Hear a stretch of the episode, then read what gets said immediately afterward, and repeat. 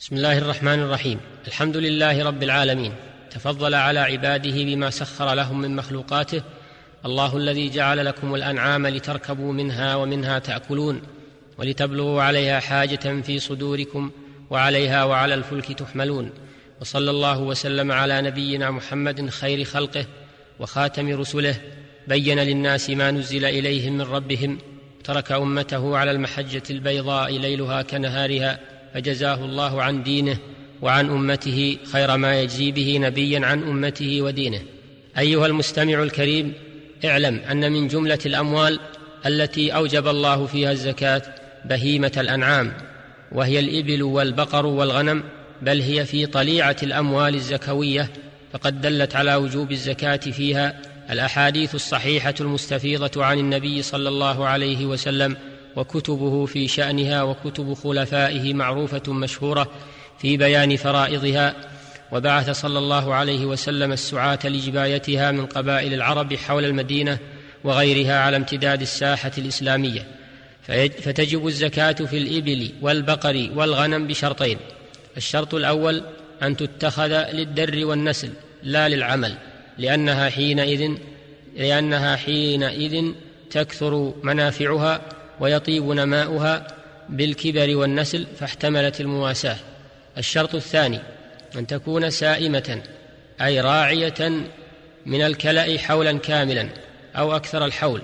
لحديث بهز بن حكيم عن أبيه عن جده قال سمعت رسول الله صلى الله عليه وسلم يقول في كل إبل سائمة في كل أربعين ابنة لبون رواه أحمد وأبو داود والنسائي. والسوم الرعي. فلا تجب الزكاة في دواب يعلفها صاحبها بعلف اشتراه لها أو جمعه من الكلا أو غيره. وإذا توفرت الشروط وجب في كل خمس من الإبل شاة وفي العشر شاتان وفي خمس عشرة ثلاث شياه وفي عشرين أربع شياه كما دل على ذلك السنة والإجماع. فإذا بلغت خمسا وعشرين ففيها بنت مخاض وهي ما تم لها سنة. ودخلت في السنة الثانية سميت بذلك لأن أمها تكون في الغالب قد مخضت أي حملت. وليس كون أمها ماخضا شرط وإنما هذا تعريف لها بغالب أحوالها. فإن عدمها أجزأ عنها ابن لبون. لحديث أنس فإن لم يكن فيها بنت مخاض ففيها ابن لبون ذكر. رواه أبو داود ويأتي بيان معنى ابن اللبون فإذا بلغت الإبل ستا وثلاثين وجب فيها بنت لبون لحديث أنس وفيه فإذا بلغت ستا وثلاثين إلى خمس وأربعين ففيها بنت لبون أنثى كما دل على ذلك الإجماع وبنت اللبون هي ما تم لها سنتان. سميت بذلك لأن أمها تكون في الغالب قد وضعت حملها فكانت ذات لبن وليس هذا شرطا لكنه تعريف لها بالغالب. فإذا بلغت الإبل ستا وأربعين وجب فيها حقه وهي ما تم لها ثلاث سنين سميت بذلك لأنها بهذا السن استحقت أن يطرقها الفحل واستحقت أن يحمل عليها وتركب. فإذا بلغت الإبل إحدى وستين وجب فيها جذعه وهي ما تم لها أربع سنين سميت بذلك لأنها إذا بلغت هذا السن تجذع أي يسقط سنها. والدليل على وجوب الحقة في هذا المقدار من الإبل ما في الصحيح وغيره. من قول الرسول صلى الله عليه وسلم فإذا بلغت إحدى وستين إلى خمس وسبعين ففيها جذعة. وقد أجمع العلماء على ذلك.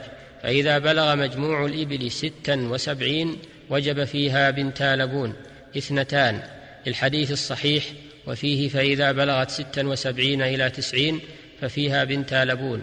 فإذا بلغت الإبل إحدى وتسعين وجب فيها حقتان. للحديث الصحيح الذي جاء فيه فإذا بلغت إحدى وتسعين إلى عشرين ومائة ففيها حقتان طروقة الفحل وللإجماع على ذلك. فإذا زاد مجموع الإبل عن مائة وعشرين بواحدة وجب فيها ثلاث بنات ثلاث بنات لبون لحديث الصدقات الذي كتبه النبي صلى الله عليه وسلم. ولفظه فإذا زادت على عشرين ومائة ففي كل خمسين حقة وفي كل أربعين بنت لبون ثم يجب في كل أربعين بنت لبون وفي كل خمسين حقة. أيها المستمع الكريم وأما البقر فتجب فيها الزكاة بالنص والإجماع.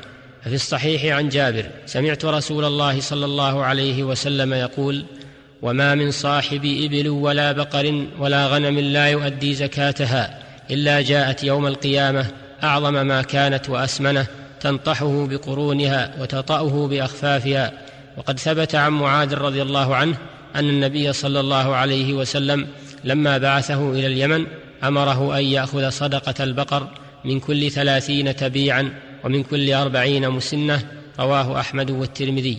فيجب فيها إذا بلغت ثلاثين تبيع أو تبيعة قد تم لكل منهما سنة ودخل في السنة الثانية. سمي بذلك لأنه يتبع أمه في المسرح. ولا شيء فيما دون الثلاثين. لحديث معاذ قال أمرني رسول الله صلى الله عليه وسلم حين بعثني إلى اليمن ألا آخذ من البقر شيئا حتى تبلغ ثلاثين.